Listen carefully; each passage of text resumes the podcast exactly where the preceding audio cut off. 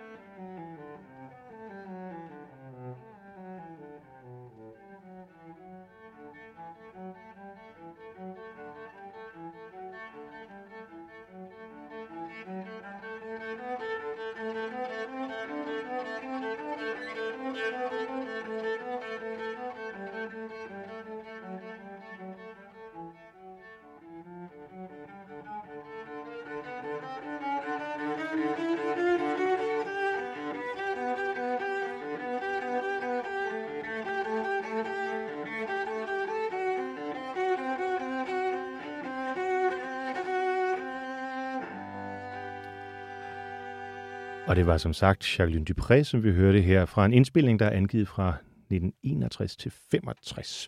Og øhm, Josefine Opsal, du har været gæst i programmet her før. Dengang var det som operkomponist. Nu er det en helt anden Josefine Opsal, vi er med, nemlig øh, cello-solist. Og det har jeg glædet mig rigtig meget til. Hvad, hvad, hvad, når du hører det her, øh, hvad tænker du så? Jamen, jeg tænker, øh, at jeg kan høre en øh, fuldstændig brilliant musiker, øh, der udtrykker sig i præludiet her til Bachs første cello-suite. Øh, det er måske også særligt åndfuldt, fordi man kan høre, at den her optagelse har formentlig været et one-take. Det er optaget i en periode, hvor øh, man har haft ret simple ret simpelt optageudstyr, og jeg tror mere eller mindre, det har været noget med at sætte en, øh, en mic, man synes var state of the art på det tidspunkt, øh, frem i et rum, Jacqueline Dupré med sin cello ved siden af, og så var det bare spil. Så ikke nogen prøver eller instruktion eller ja, Man har måske lige lavet en lille lydtest, hvor der skulle være hul igennem, og celloen skulle du og være i stemning. Øhm, måske har hun taget tre takes eller et eller andet, mm. men, øh, men man har ikke kunne klippe det sammen. Og, øh, Vil man gøre det i dag? Vil man klippe, klippe forskellige indspilninger sammen i dag? Kan man det? Ja, du hører næsten ikke en klassisk indspilning i dag, der ikke er klippet rimelig meget sønder og sammen. Altså for soloinstrument. Det er vel svært at gøre for fuldt orkester? Nej, du gør det faktisk også for fuldt orkester. Gør man det? Ja, men der er samtidig opstået bevægelser den anden vej, som netop sværger ved, og det er det, jeg synes, vi virkelig kan høre ved øh, denne her indspilning, sværger ved øh, det ligesom bevingede, det, det åndelige, det måske guddommelige, det mm. øh, også det sådan super menneskelige ved det take, der bare får lov at stå helt råt som da det blev spillet. Er der nogle ting i det, vi hører øh, hos Charlene Dupré her, som du tænker, hvis det var mig, så havde vi lige taget den om? Ja, der er masser af ting. Det er der? Ja, øh, det har jo både noget med optageæstetikken at gøre, altså hvor tæt hun er mic'et op. Øh, jeg synes ikke, der er særlig meget rum omkring celloen. Jeg tror ikke, hun har siddet i et meget stort rum, mm. øh, eller mikrofonen har ikke været i stand til at opfange det. Nu til dags øh, vil du nok placere dig i en stor kirke, eller på en eller anden måde en koncertsal, der virkelig sørger for, at celloen eko, øh, klang på. Ja, eller mere, at, øh, at celloen kommer til sin ret som det instrument, der gennem århundreder er fintunet til at spille i en koncertsal og resonere der. Jeg synes, mm. det her er meget close-mic'et. Øh, og når det er det, så hører du også en hel masse støj fra fingre. Du hører måske øh, utrolig pinligt klart, når noget ikke er helt i tune. Og det er en fejl. Det er ikke for at dyrke en spænding, at hun måske har en tone, der så... Oh, det er så svært at sige. Jeg vil helst ikke sige noget skidt om Jacqueline Dupré, mm. for jeg synes, hun er helt fantastisk. Men, øhm, men for mig at høre, har hun spillet, øh, spillet på energi, øh, mere end hun har gået efter alle de helt rigtige toner hele vejen. Er det en stil ved hende, eller, øh, eller er det noget, man også finder hos andre? Hvad, hvad spiller du efter? Jeg spiller også meget efter energi. Mm-hmm. Øh, men jeg lever også i en tid, hvor øh, du kan tage utrolig mange tekster af det, du optager, så det er muligt at gå tilbage og rette, og det har skabt en, en kultur i klassisk musik, hvor, øh, hvad kan man sige, det, det er næsten svært at, at lade være at klippe, når nu du kan. Fordi der er skabt, der er så mange referenceindspilninger, der er så fintunet, netop fordi man har kunne klippe det sønder sammen. At det, det er svært at udkomme med noget, du ikke har trimmet på en eller anden måde. Skaber det ikke en forventning så hos publikum, når man går ind og ser en koncert om noget, som er overmenneskeligt, noget som solisten faktisk ikke kan? Det gør det nemlig, og det er jo det, der er sket med den klassiske musikkultur de sidste 50 år. Øh, på den gode måde, så er vi et helt andet sted med cellospil, violinspil, alle slags instrumenter. Vi har simpelthen løftet niveauet, fordi indspillingsteknikerne har gjort, at vi har fået referencer, der er overmenneskelige. Mm. Øh, og det, det synes jeg er, øh, det er jo på en eller anden måde en farlig bevægelse, men det er også en fantastisk bevægelse, at vi mere og mere prøver, nu startede du med at nævne det guddommelige, øh, vi søger faktisk det allermest sublime og det allermest perfekte guddommelige. Og så kan man så spørge, om man ender med at savne mennesket til sidst. Ja, ender man så ikke et eller andet AI-univers, øh, det gør man da sikkert. hvor det måske er, det er endnu mere perfekt? Jo. Og så er der ikke nogen Josefine Opsal bag celloen længere? Nej. Der, det, der må, det, må vi lige, det må vi gøre noget for at undgå. Det tror jeg også, vi må. Blandt andet opfordrer folk til at øh, lytte til musikken øh, derude, og vi kommer til igennem øh, den her lille time og, øh, og høre et, øh, et, øh, et bredt ris over celloens, øh, hvad den kan, øh, dens ambitus, kan man sige det, ja, altså dens spændvide, men også hvordan den har lyttet igennem øh, historien. Yes. Øhm, og nu øh, har jeg, jeg kun ganske lidt fået læst op på det, men som jeg forstår det, så øh, kommer celloen til værken sådan i, i renaissancen, øh, rokokoen, og har en udvikling frem mod øh, 1750, hvor den ligesom får sin, sin nuværende form og rolle. Ikke? Jo. Og hvad, hvad, hvad er det, der gør, at celloen er så fed, at man vil bruge hele sit liv på netop det instrument? Jamen, det er, synes jeg, dens helt vilde register, og det er både lydligt, men det er også følelsesmæssigt, øh, som selvfølgelig både har med instrumentet at gøre, men også den fantastiske, det fantastiske repertoire, der mm. ligger for instrumentet og kommer ud i alle mulige tænkelige hjørner. Øhm, nu er vi jo lidt inde på det guddommelige. Jeg tror måske også, det er øhm, denne her... Når du vælger et instrument, så kan du også... Jeg ved ikke, du kan have en følelse af, at instrumentet vælger dig. Øhm, det er som om, det er meant to be, eller som om noget mhm. højere mm. visker dig i øret, at, der... at det her, det, det kan du simpelthen ikke, øh, du kan ikke holde dig væk. og det er det, du oplevede? Og så er du nødt til at gribe instrumentet. Aha. Og hvad var det for noget musik, der gjorde det? Var det Bach? Uh, altså, Bach har der, har der helt klart betydet rigtig meget, øh, men i virkeligheden endnu mere det, der var det store turning point, var øh, faktisk første sats af Kodais cello sonate for ja. solo cello. Så vi, der er noget med solo cello. Ja, så vi, men der er vi noget længere fremme. Det og ja, vi er jo i Ungarn, ikke? Jo. Ja. ja. Jeg synes, vi, vi vender tilbage til Kodai. Men vi skal lige høre noget, som jeg tror, øh, de fleste lytter i hvert fald sådan i formen vil kunne nikke genkende til. Altså der helt tilbage, hvor det begyndte.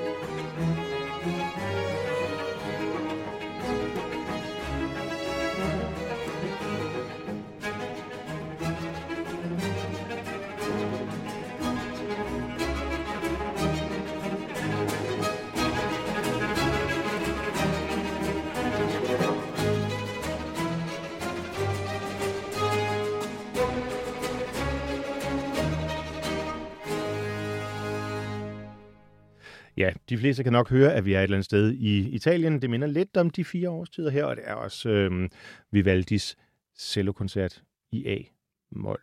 Har du spillet den, øh, Josefine Opsal? Nej, Det Nej. har jeg faktisk ikke, men jeg holder utrolig meget af den. Ja. Jeg holder utrolig meget af Vivaldis musik for cello. Jeg synes, det har sådan en øh, næsten punk-nerve i sig. Øh, selvom det er utrolig gammel musik, så kan den virke enormt frisk, når, øh, især når en cellist som, her hører vi den med øh, Jean-Guyen Kera, Mm-hmm. fransk cellist, født i Canada. Øhm, især når man på en eller anden måde øh, indspiller det med moderne indspillingsteknikker, går sådan tæt på instrumenterne, lader sådan råheden stå frem i cembalo og strygerne, og det virkelig får et bid. Ja, for det er vel også Så en det enormt øh, diskussion. moderne på en Jamen, er det, er det ikke også en diskussion i forhold til det med, hvordan skal man tilgå øh, rokokoen? Altså, skal man spille på originale instrumenter, som har den der meget sådan sprøde klang? Ja, øhm, eller skal man tage det med det fuldromantiske øh, Præcis, performance, og det har der været en kultur for Ja. længe, at vi smurte stor fed romantik ud over alt. Og det er Ja. måske ikke alt, det faktisk klæder. Nej, nogle gange så bliver det simpelthen for meget, ligesom musikken brister. Ja. Jeg kan meget godt lide det her. Ja. ja. Kan vi bruge det til noget? Altså nu øh, kan jeg jo godt, det tror jeg allerede, lytterne måske godt ved, de kender dig jo lidt. Øhm, du er jo også komponist, og også komponist for, for celloen. Ja. Når du sådan skal søge inspiration derude, er det her så noget antikvieret gammelt bras, eller kan det stadigvæk noget i forhold til vores tid? det kan utrolig meget i forhold til vores tid. Mm. Altså jeg synes jo i den her musik, nu sagde jeg, at jeg synes, det var en lille smule punket. Jeg synes helt klart også det i sin form og i sin stringens og i sine... Altså det er lige før, man kan snakke om beats Ja. i det. Øhm, Altså tempo- Rimelig hårdt slående. Er der Ja. sådan en fast beat, og du kan sådan mærke melodien, og det falder i nogle øhm, meget lige perioder. Det minder jo næsten om rockmusik. Ja, det er meget stringent bygget måde. Det, det har virkelig øhm, det der niveau, samtidig med, at øh, cellostemmen går super hurtigt. Du skal være super virtuos for at Mm. spille det. Øhm, celloen får virkelig lov at folde sig ud som sådan, sådan en... Øh, altså både en, en maskine og den ekstremsport, det kan være at spille sådan instrumenter i ro på det og kunne eksekvere det på et både følsomt og så vanvittigt teknisk krævende niveau. Mm. Så Mm. jeg synes, det har rigtig meget smukt at byde på, både rent lydligt og på en eller anden måde næsten konceptuelt, eller når man tænker over, hvad det er, der foregår, Ja. og hvad det er, det kræver, hvad der ligger bag at eksekvere det her. Ja. Celloen minder, synes jeg, meget om den menneskelige stemme, sådan i sin sang, hvis man kan bruge det udtryk, i modsætning til mange af de andre instrumenter, som har sådan lidt deres egen øh, musikalske, lidt mere sterile karakter. Øhm, jeg har altid oplevet øh, celloen som, som et, et kvindeligt indslag i, i, i orkestret. Øhm, men det ligger jo faktisk, sådan hvis man ser rent tonalt på det, hvor tenoren synger i, i operan. Ja. Hvordan oplever du celloens stemme, hvis man skal sætte køn på? Det kan, kan nu, nu der er nogen, der mener, at 72 køn selvfølgelig, så det kan blive en lang udsendelse. Mm. Men altså, hvis man skal sige noget om celloens sådan sjæl, hvor vil du så øh, lægge den? Jeg har faktisk altid tænkt, at celloen var maskulin. Ja. Og det tror jeg hænger sammen med øh, den råstyrke, du skal besidde for at erobre celloen. Det kræver helt utrolig mange muskler. Øhm, og det er stort, og det er på en eller anden måde... Øh, altså, selvfølgelig er der, kræver det meget finmotorik at animere det i sidste ende, men, men det er virkelig store, tunge muskelgrupper, der skal trænes op. Mm. Øhm, Men det er sjældent, man ser en cellist være sådan en øh, Arnold Schwarzenegger-type. Nej, det er rigtigt. det- Det... er rigtigt, men det er ligesom balletdansere. De er jo Ja. slanke, ja. umiddelbart at se på, men har en anden form for råstyrke. Det har noget, med, noget at gøre med, hvordan du træner din krop rent faktisk. Om det er, om du pumper ned i fitnesscenteret, eller om det er en blanding af, og det er det jo med en cello, øh, i den grad styrke og så stræk hele tiden.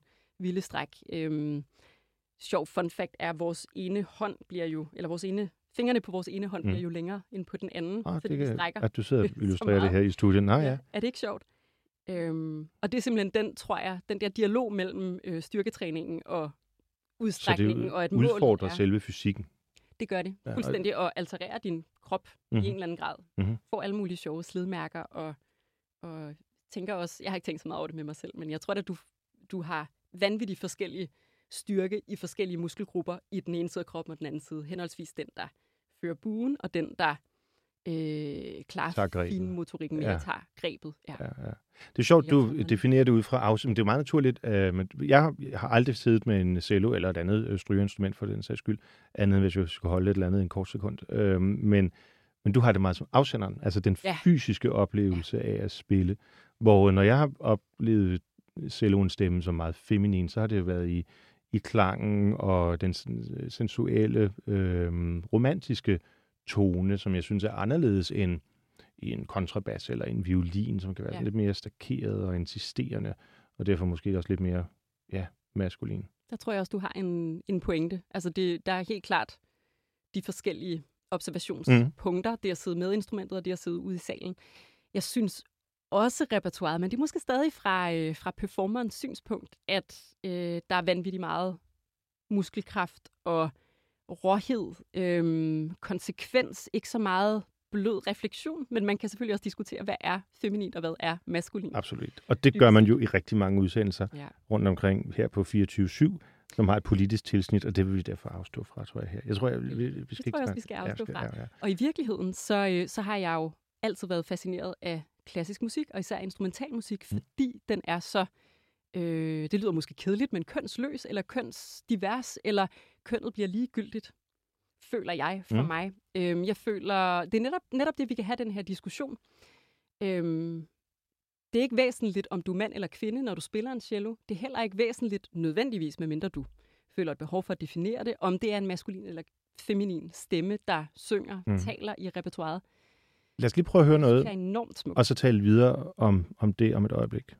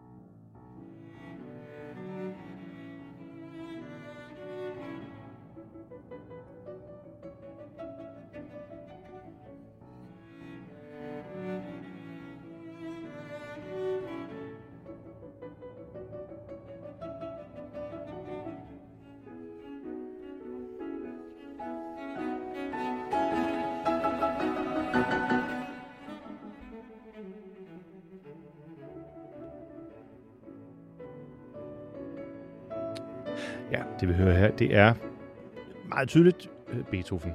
Og øh, måske knap så tydeligt, så det nævner jeg lige, det er cellosonaten nummer 3, og det er skærtsonen. Øh, og jeg synes, den egentlig følger meget godt i vores samtale, det her med øh, det kvindelige og det mandlige osv., fordi øh, da, da, da Beethoven rev musikken ud af øh, Wienerklassikken og gik ind på øh, den romantiske bane, der mente mange af formodentlig mændene, at øh, det var følelser, som kvinder slet ikke kunne håndtere dengang. Wow. Øh, ja, det var, det var især Kreuzersonaten. Det var sådan en, det, der, den måtte man skærme det kvindelige køn fra. Det var for vildt. Wow. Øhm, og hvis man sidder og hører anden musik, der er skrevet der i 1810, eller hvad det er, så kan man godt forstå, at det her det har en helt anden karakter. Helt sikkert. Men her der hører vi jo et meget ligeværdigt forhold mellem klaver og cello i sonaten, som du har spillet Ja. og kender. Ja. Hvordan er Beethoven i forhold til alt det, vi talte om før, der ligger sådan 100 år forinden? Nu hænger jeg lidt fast i det med, med kønnene, Ja, og at det her var da nok øh, for farligt for kvinder at lytte til. Hvis vi lige... Øh, Og slet ikke at spille. Det tør jeg slet ikke tale. Ja. Men det sjove er, hvis vi går tilbage til Vivaldi, så skrev han jo det meste af sin musik til forældreløse piger.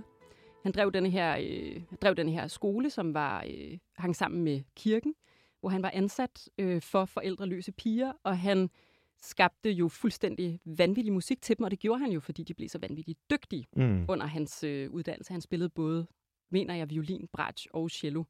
Nogle gange måske også cembalo. Guitar? Nå, okay. Jeg Ja, tænkte også... Nå, nej, det går vi. Han har bare skrevet så ufattelig meget for Ja, det har klassisk også, guitar. ja. Jeg tænkte, det var Godt være, han har leget lidt med det i, noget fritid. ved lejrbålet, eller Ja.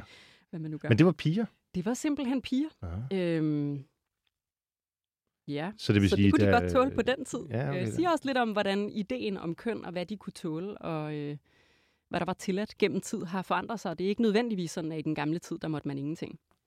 Mm. Nu talte vi jo også lidt om Margrethe den første sidste gang. Det er rigtigt, din opera. Min, min opera. Og, Drømmedøden. ja, Ja. ja. Og der er jo også tale om en meget, meget stærk kvinde, der får lov at regere meget, meget tidligt i historien, ja. hvilket blev meget, meget svært at få lov til igen, helt til vi får Margrethe den anden. Ja, det er rigtigt. Øhm, og, øh, og jeg har jo gravet lidt i den her tid, og der, der har man også en helt anden idé om, hvad kvinder må og er og kan tåle. Det er faktisk en... Øh, passer meget godt med Beethoven og nogle hundrede år før. Mm. Der indfører man en kultur, hænger meget sammen med den katolske kirke. Øhm, nu, nu synes man ikke, kvinder skal have lov til noget. De Ja. skal hellere være på en eller anden måde til pynt. Men det har og, på en eller anden måde været en kamp, også i musikken, der er bølget frem og sikkert. tilbage. Helt sikkert. Hvor jeg tror, det er fair at sige, at jeg tror, jeg tror faktisk, Beethoven har været på kvindernes side. Tror Han var, det? ja, han var en ret... Øh, Jeg tror da heller ikke, man skriver sådan noget der, uden at ønske, at hvem som helst nyder det og spiller Nej, det, og, og jo mere sensuelt og fantastisk det er, jo bedre. Præcis. Er, øh, er Beethoven øh, interessant i, øh, i dag? Han skriver en del cellosonater, øhm, og nu er det sådan den tredje, vi hører her. Man kan, kan man fornemme en progression i ham? Helt vildt. Altså siden hans to øh, første sonater, der er den tredje her øh, en helt anden liga. Der, der er en helt anden ligestilling af cello og klaver. Øhm, celloen er jo faktisk et super svært instrument at skrive for, hvis det ikke er solo. Hvorfor det? Øhm, fordi dets klang, og men det kan være kraftfuldt, så spiller man ofte i et register, der let bliver dækket. Mm. Og sådan et koncertflyl, det har ikke været helt så slemt på Beethovens tid, muligvis. Øhm, men koncertflylerne i dag er nærmest umulige at spille op på en cello. Øhm, så det Altså, noget med... så når du spiller ved siden af et koncertflyl, Ja. så, så er, er det dit klang så voldsom, at, Ja. øh, pianisten skal hele tiden have venstre fod nede nærmest for at dæmpe. Fuldstændig at lukke låget på flylet, og, og det er jo, hvad det er, men det ændrer jo flylets klang og øh, storhed på en eller anden måde. Og så det, det er lidt ærgerligt. Ja. Ja. Men man kan selvfølgelig, siger jeg også som komponist, instrumentere sig ud af hvad som helst. Man kan have Øhm. tre celli, der spiller unisont. Det kan man, men man kan også bare være rigtig dygtig til at lade klaveret trække sig, eller ligge i nogle registre, der absolut ikke dækker lige der, hvor man synes, celloen skal. Mm. skinne. Så det, at orkestrene og instrumenterne har udviklet sig igennem tid, gør meget for vores også moderne forståelse af musikken. Det gør det i hvert fald. Mm-hmm. Ja. Hvordan, hvordan har egentlig et klaver, ved man det der i starten af 1900? Hvordan har det, altså, det- har det stadig været cembalo-agtigt, eller Ej, det har vel mere været sådan lidt hammerklaver. hammer? Ja. Ja. Så det har været tungt at spille på, og derfor ja. også øh, mindre, mindre fyldigt. Ja. Hvad så i orkestermusikken? Øh, altså, der er jo skrevet øh, virkelig mange øh, øh, cello-koncerter helt tilbage fra, nu vi Vivaldi før. Øhm, jeg ved ikke, om Bach har skrevet nogle cello-koncerter, har han det? Nej. Nej. Haydn har. Øhm, men så helt tilbage fra, fra, fra de gamle øh, Founding Fathers of Music, øhm, har man haft det her for. Hvordan gør man så det? Altså hvis man skal spille op mod et helt symfoniorkester? Jamen, det bliver faktisk kun sværere og sværere, jo Mm. flere instrumenter du får jer til. Øhm, det er lige før, vi skal høre en lille smule af Dvorak's cello-koncert. Ja. Fordi det er faktisk en højdespringer for, hvad man kan tillade sig at lade et orkester fylde ved siden af en cello, og også en højdespringer for en meget, meget formfuldendt, lækker måde at øh, bygge episoder og, øh, nu er jeg lige ved at sige ritorneller, op på. Det, det fortryder jeg nok lige om lidt. Men Jamen, Jamen, på det- en eller anden måde have, nogle, øh, have noget call and response mellem en ledende cello og et orkester, der bulrer, og celloen kan på meget velvalgte steder få lov at lyse helt op i toppen, hvor den faktisk kan, øhm, kan lyse igennem orkestret. Men meget af tiden, så trækker celloen sig, når orkestret spiller de helt store tutti-steder, og har så solopartier, hvor han ud, ud øh, hvad, hvad hedder det, øhm, bruger Ud- instrumentet ja, helt utroligt. Men jeg, jeg er så glad for, at du øh, helt tilfældigt nævner Dvorak's øh, Ja. ja. cello-koncert, fordi jeg har faktisk øh, også forberedt, at vi skulle, vi skulle høre lidt fra, fra finalen af, af første sats. Øhm, Dejligt. så altså, hvor, hvor heldig øh, kan man øh, have lov at være. Og nu, jeg, jeg planlagt, at vi skal ind på sådan et relativt præcist øh, sted her, så nu håber jeg, at, at det holder. Men altså, øh, Dvorak's første i, hvad det, B-mol?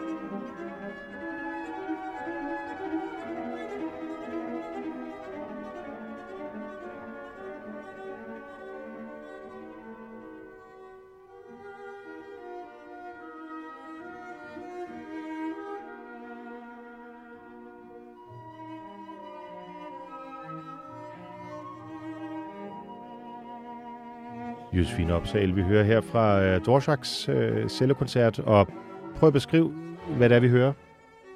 Vi hører den her vekselvirkning mellem øh, orkestret og celloen, og øh, vi hører, hvordan Dvorak meget, meget fornemt, raffineret, har tyndet orkestret vældigt ud, Giver plads. så celloen får plads. Ja, ja.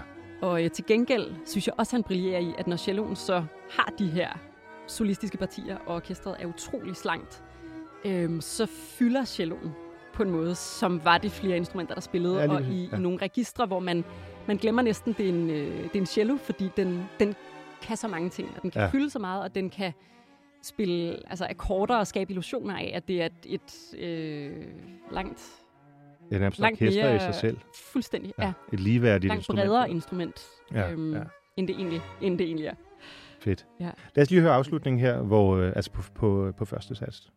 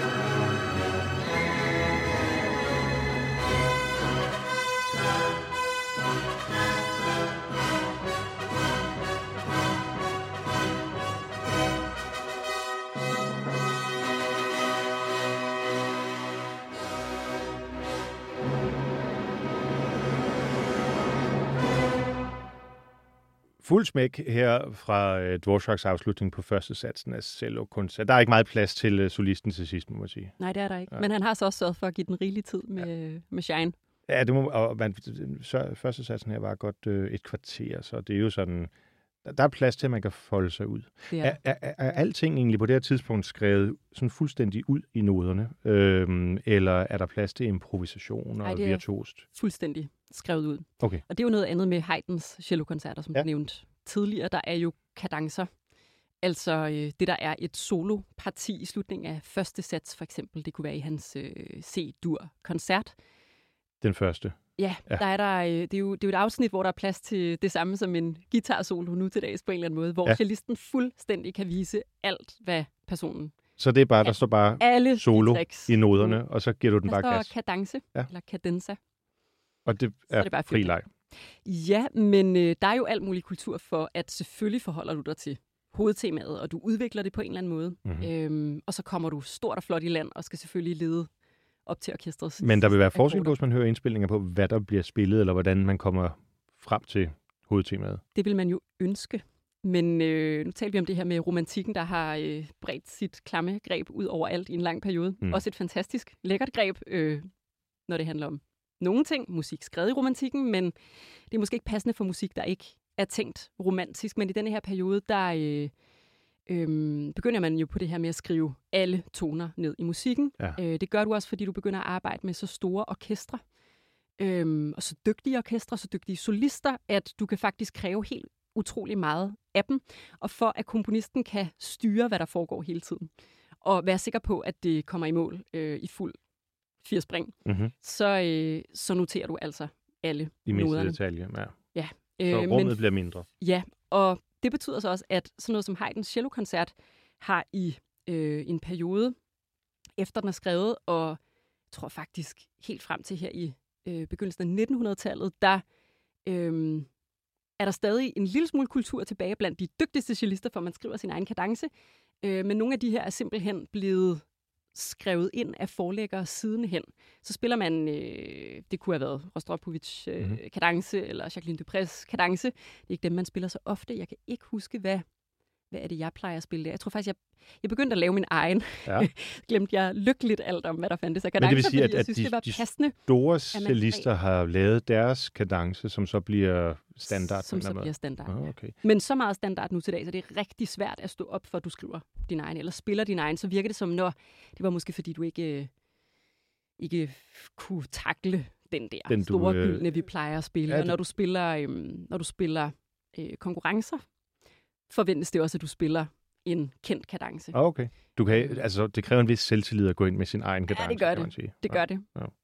Har du den selvtillid af jer til? Eller? Ja, det synes jeg bestemt, jeg har. Ja, det fornemmer man også i din musik, og det skal vi nemlig frem mod. Øhm, vi bevæger os sådan øh, op fra, øh, ja, fra rokokoen og frem mod, øh, hvad kan man sige, øh, opsal-æraen. Det er jo det. Kan vi, kan vi tale om den? Det kan vi. Og, øh, og, og en af de komponister, som du har nævnt øh, nogle gange, øh, det er ungarske Kodai, Ja. som er relativt moderne. Ikke? Nu siger jeg, han dør han i 5, 1965? eller Ja, sådan noget passer meget godt. Ja. Jeg tror, han var, øh, tror, han var øh, kulturminister i Ungarn under kommunisterne, hvor han så ligesom prøvede at tale op imod øh, den der udslettelse af den romantiske tone, som, som, som kommunisterne ville have, og på den måde faktisk fik, altså gjorde meget for den, for den ungarske musik. Ja, altså han var jo nærmest musikarkeolog på mm-hmm. en Mhm. eller anden måde. Altså han var meget rundt i Ungarn og indsamle folkemusik for at få den dokumenteret og bevaret. Ja. Øh, og det kan man også høre tydeligt i hans musik. Det er Og sat tit. Noget, som er en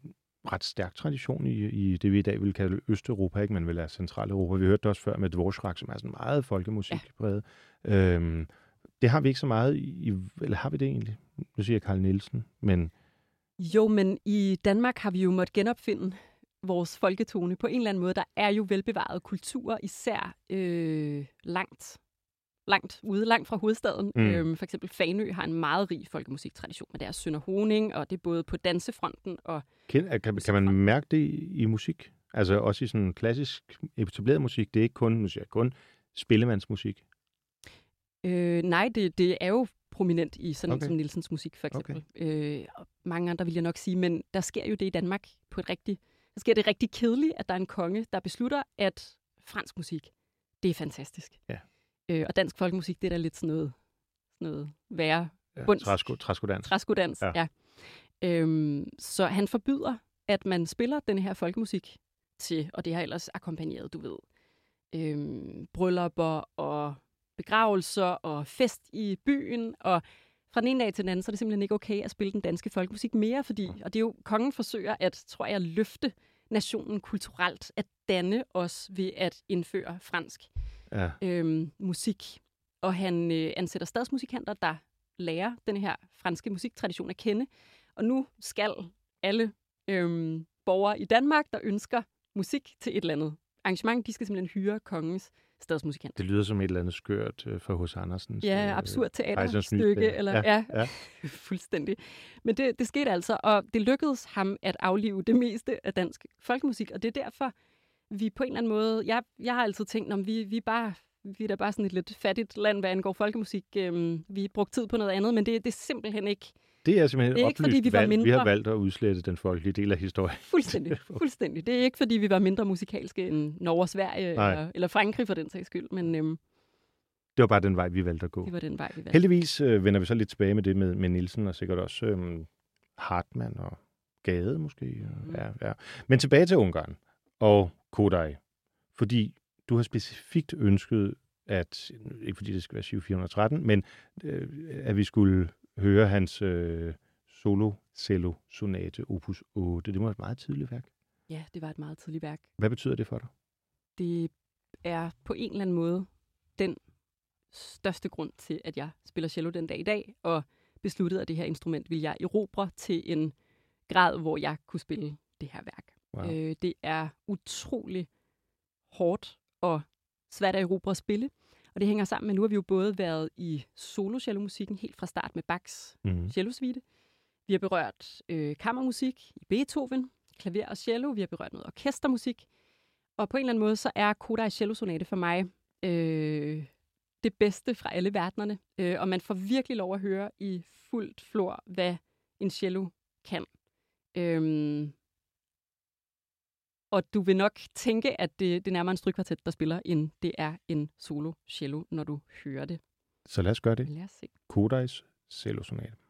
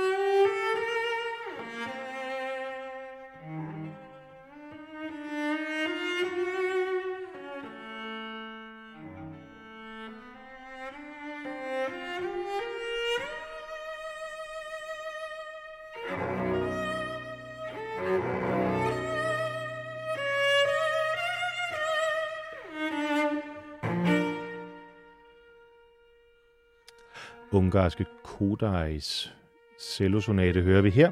Og øhm, jamen, jeg, jeg synes, den er lidt svær at blive klog på. Altså, vi bruger hele registret, må man sige. Vi er både fuldstændig nede i bund. Og, og tempo, jeg kan slet ikke finde ud af, hvad det er for et tempo. Nej, det er øh, Allegro Moderato, tror jeg, i starten, eller sådan et eller andet. Ja. Ja. Ja, og så ændrer det helt karakter her i Ja. en form for anden del, eller Ja. sådan noget. Vender den så tilbage til det oprindelige? Det gør den. Øh, det kan være, at vi også skal have et uddrag af tredje satsen bagefter. Der stikker det nemlig helt af. Nå. Et vildt maraton på en eller anden måde. Jeg tror, man er nødt til at høre det. Det har vi ikke tid til her, men man skal, Nej, skal man høre det i en skal- sammenhæng. Man skal unde sig det at høre den. Ja. i sammenhæng. Og du har fuldstændig ret. Jeg tror for mig, er der noget med det mystiske i det her værk, der er utrolig dragende. Råstyrken, øh, dialogen med det der helt subtile, øh, otherworldly Ja. materiale, han så kaster sig ud i. Jeg, kan simp- jeg har det ligesom dig, jeg kan simpelthen ikke blive klog på det, men det drager mig øh, i spændingsfeltet mellem denne her sådan vilde passion, øh, vilde romantiske passion, vi hører i starten, og så de her verdener, der, der øh, samtaler med sig selv uden rigtig at vide, hvad vej. Er vi lidt Det i en Beethoven nummer to? Altså, jeg synes, det umiddelbart øh, fornemmer jeg det, som jeg gør med Beethoven fra Wienerklassikken og ind i romantikken her fra romantikken, som jo har nogle helt klare øh, paralleller til, og så op i en form for modernisme. Øhm, er han sådan Ja. en moderne romantiker eller en romantisk modernist? Ja, det kunne man godt kalde det. Måske både og. Den transcenderende... Ja. Det kunne du helt klart godt sige. Og så synes jeg, der, der sker noget... Øhm, jeg ved ikke, om jeg synes, jeg hører en Kodai, som jeg kender Kodai i det her værk. Ja. Jeg føler, det her værk er sin... Øhm, det er ligesom sin egen verden. Og muligvis er det det her... Det charmerende, der nogle gange er ved solocelloen, at den kan ikke have det hele med. Den kan prøve at skabe en illusion af akkorder. Det er fuldstændig det samme, vi hører i Bachs cellosuiter. ja. Øhm, for du kan kun spille en tone, to toner, tre toner med rigtig god vilje på én gang. Så det er hele tiden illusionen om det fulde Hvad er det, man har? af musikken. Når du ikke bruger venstre hånd, så har du øh, C, D, G, A. Hvad er det? Hvad, hvad, hvad er det? Fuldstændig. Ja. Nej, øh, C, G, D, A. Ja, C, G, D, A. Ja. Ja. Så er det, jeg vil spørge dig, hører du noget, der lyder anderledes lige det her værk? Lige nu? Eller lige det her værk? Da det satte an, lige præcis det her værk. Ja, altså den der meget, meget store spring, øh, som mindede mig om Grose Fuge af Beethoven. Badab, badab, badab, badab, badab. Ja. Men der, der har du en helt strygerkvartet, der spiller. Her er det kun ét instrument. Det er det. Det er jo ret vildt. Ja, og det Kodai gør øh, så fabelagtigt her, er, at han øh, beder cellisten om at stemme de to dybeste strenge en halv tone ned. Ah, Så nu stemmer de dybeste toner henholdsvis i et H, eller det man kalder et B, ja. et Fis, et D, så du har en åben H-mol på de tre dybeste strenge. Ah, oh ja. Og så har du A-strengen.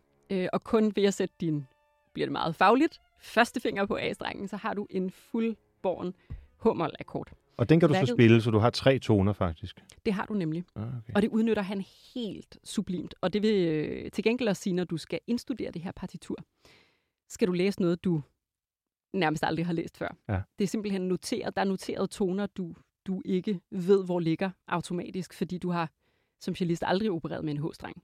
Nej. Det er helt øh, på munden, og jeg tror, der er noget ved måske H-mol for mig og min sjæl, øhm, og, og tonearten, fordi den er, den er også ude af tid og ude af repertoire i forhold til, hvordan vi kender celloen. Den sætter simpelthen nogle helt andre frekvenser i gang i det her instrument. Fordi du kan stemme den nederste streng øh, en halv tone lavere? Ja. Men Det er hvorfor? måske svært at forstå. Ja, Man hvorfor? har Jeg kan ikke forstå, hvorfor gør det mange nogen timer med forskel. en Kan man ikke bare, hvis man stemte en, en hel tone lavere, så fik du et B, ville det så være Nej, anderledes? fordi der, det vil det.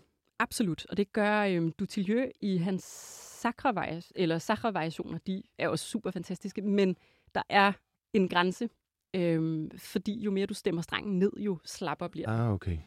Øh, Og så går det ud over strengen er klangen. fuldstændig. Ja. Det, der skal ikke ret meget til. Hvis du stemmer en helt tone ned, så er det i forvejen en øh, lidt slap fornemmelse Ja, det er klart. at prøve at spille noget. Men lige den her H-mol, det Kodai er, så vidt jeg ved, den første, der gør det med den moderne cello. Man har jo eksper- eksperimenteret med stemninger på Ja, selvfølgelig. Gamber det er jo og helt tilbage fra tiden. voltempererte klavier også. Fuldstændig. Ja. Ja. Men, øh, men her på Kodais tid, der har man jo ligesom sat sig på den romantiske cello. Den er stemt øh, ned fra C, G, D, A. Ja. Og han Så stemmer han den arver det, om. Og så tænker han, han, jo på en eller anden måde. Han, nu laver vi øh, en ny verden. han holder liv i, i denne her kultur øh, omkring, at musik må gerne eksperimentere. Den må gerne prøve nye Mm-hmm. veje af. Er der andre, der så tager det op? Altså nu om lidt kunne vi for eksempel høre lidt fra Shostakovich øh, cellokoncert, Ja. men, men er der andre, der øh, følger op på det her med at, at stemme lige en my anderledes? Ja, så nu nævnte jeg lige Dutilleux. Ja, Øhm, Sinakis gør det også i sit nummers alfa, mener Ja. ja. jeg, det hedder. Ja. Øhm, ellers er det det, der hedder Kotos for solocello. Det er meget en solocello-ting. Det er klart, fordi resten af orkestret skal jo følge med. Det er lige det. Men jeg har så skrevet Svært et at værk. stemme et, øh, og- et horn, tænker jeg. Jamen, en det er halv lidt tone det. lavere. Ja. Det er lidt svært, altså. Og det kræver meget, hvis det er øh, midt i et program. Øh, hvis du spiller en større koncert. Jeg spillede det her værk til min øh, kandidateksamen fra konservatoriet her i København. Øh, og skulle spille øh, Barbers cello-koncert bagefter, Ja. som er stemt helt almindeligt. Og Ja. det er rigtig kringlet. Øh, fordi hvis dit instrument har en dårlig dag, eller øh, det er en lille smule ekstra fugtigt i vejret, eller koldt udenfor, da du gik mod koncertsalen, så, øhm, så kan du risikere, at strengene fuldstændig giver sig. Øh, Så er der også eller noget at- fysisk i det. Det er ikke vildt. kun, om man selv er oplagt. Og det er også det her med, om instrumentet øh, er, om du ligesom har, har lavet det lære at resonere med tonearten. Mm-hmm. Mhm. Så første gang, du stemmer ned til Kodai Cello Sonate, så lyder det måske ikke særlig godt. Fordi instrumentet kender slet ikke den frekvens. Nej. Øhm, så det er sådan et, øh, det er et længere studie at få det til at fungere. Og øh, jeg har jo så skrevet et værk for ikke cello og elektronik, men barrage og elektronik, ja. der bruger den samme stemning. Det kan man faktisk også spille for cello, hvis man har lyst. Jeg har tænkt mig, at jeg skal indspille det på et tidspunkt. Er det, er det et af dem, som nej. vi har øh, gjort klar? Det er det desværre ikke. Mm. Det findes øh, lige om lidt indspillet af en nu- finsk brashist, men Ah. ikke endnu. Men jeg synes, nu har vi holdt lytterne hen så længe, der har siddet faktisk i tre kvarter og ventet på, hvornår skal vi høre noget af Josefine Opsal. Ja. Så det synes jeg, vi skal gøre nu. Øhm, men så er spørgsmålet, om du vil vælge past, present, future, present, future eller liquid entity. Det kan være, vi skal lægge lidt blødt ud med Liquid Entity. Vi, øh, vi laver en, en blød, blød start. Thank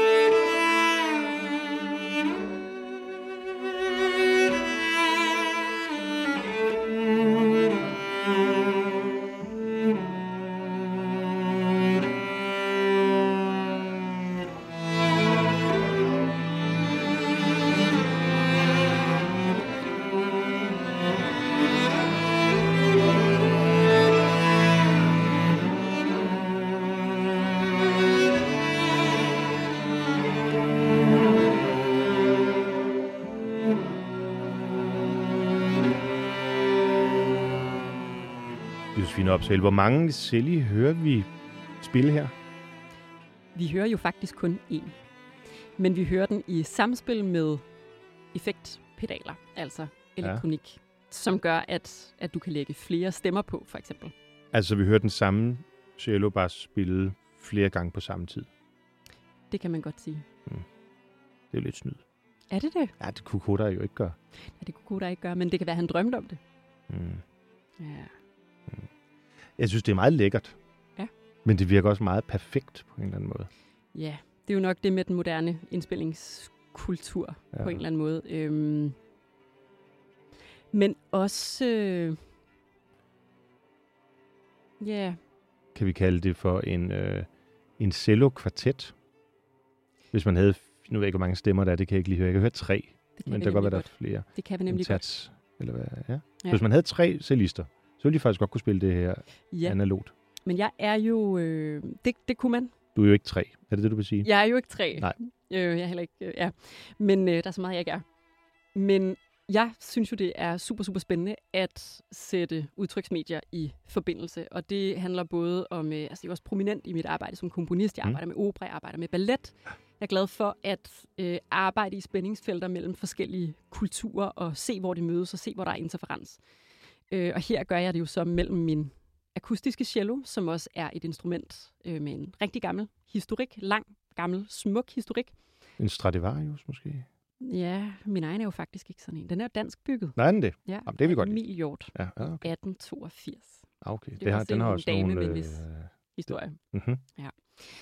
Øhm, og så er der elektronikken, som jo på en eller anden måde er den moderne tids lyd. Øhm, og jeg synes, det er, eller man kan sige, jeg skabte det her værk og en hel række værker for solocello og elektronik øh, i virkeligheden.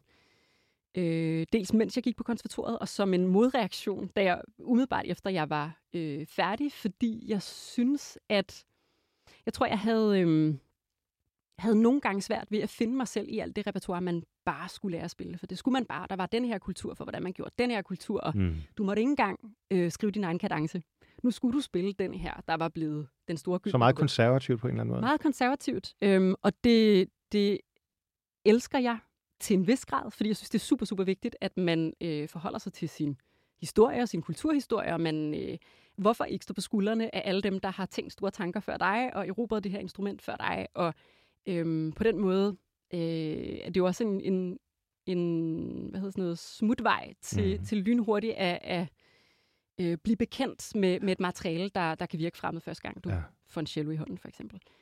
Og så på den anden side, så er det konservativt. Hvis ikke, hvis ikke endemålet må blive, at du øh, finder dig selv som kunstner, finder dig selv som musiker og menneske, stående på skuldrene af den Mm. tradition. Hvis du bliver bundet af traditionen i stedet, Så bliver det så mere jeg, det en replika. sig selv fuldstændig. Ja. Øhm, Jamen, jeg- Så jeg ønskede på en eller anden måde at finde min egen stemme og fandt ud af, at øh, nogle gange endda, når jeg havde siddet med Kodai, jeg synes man kan høre, Jeg kan godt høre Kodai her. i Ja. det her værk. Ja. Når man har siddet med det i timer, øh, og der er måske et spring, du simpelthen, du har, du har øvet det 10.000 gange, og der er, der er stadig en lille fejlmarken. Øhm, indimellem, så kan du tænke, øh, så, så bliver du fuldstændig fokuseret på den lille detalje. Øh, og nogle gange kom jeg langt væk fra musikkens egentlige ånd. Og det er jo det, vi hører i Jacqueline Dupré Mm. i starten. Øhm, Der hører man hende der har meget. været et one take. Øh, ligesom en koncertperformance, det er nu eller aldrig. Øh, ryger der en tonehister her, så, øh, så lever vi med det. Så man, fordi For det er det, der er det menneskelige. er intakt, Ja. og det er menneskeligt, Ja. og det er nu og her. Og Jeg synes, du fanger det godt. Og øhm, selvom min instinktive reaktion imod alt nyt er nej tak, så synes jeg egentlig, at øhm, ånden er der, og nerven, og alt det, der gør det relevant og menneskeligt. Øhm, og nu nævnte du Jacqueline Dupré, og, øh, som vi jo startede med at høre, øh, Bachs øh, Celle Suite, og det har du også lavet en version af, en fortolkning af, Det har jeg. som jeg synes, vi skal slutte udsendelsen med at høre. Men vil du sige lidt om, hvad var det, Bach han ikke fik skrevet ordentligt, så du lige måtte ind og hjælpe? Jamen, det var jo øh, dels det her med, at solocelloen ikke altid dækker hele det klangspektrum, der muligvis ligger neden under en komposition.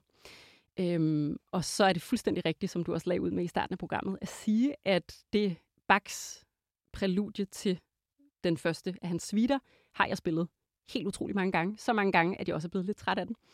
Øhm, og øh, det betød i sidste ende, at jeg var nødt til at komme tilbage til værket, og jeg var også nødt til at dyrke lige præcis de første fire takter, som er så ikoniske og Mm. er så elsket. Øhm, jeg måtte simpelthen tage dem til et nyt niveau, for at på en eller anden måde øh, have dem så meget i min krop, at jeg også kunne frisætte mig og finde fred. Og den fred håber jeg, at øhm, lytterne, der også ude nu, vil tage del i, Ja. når vi hører Bachs præludie, cellosuiten nummer 1, i Opsals version. Tak fordi du lader med. Tusind tak, fordi jeg måtte.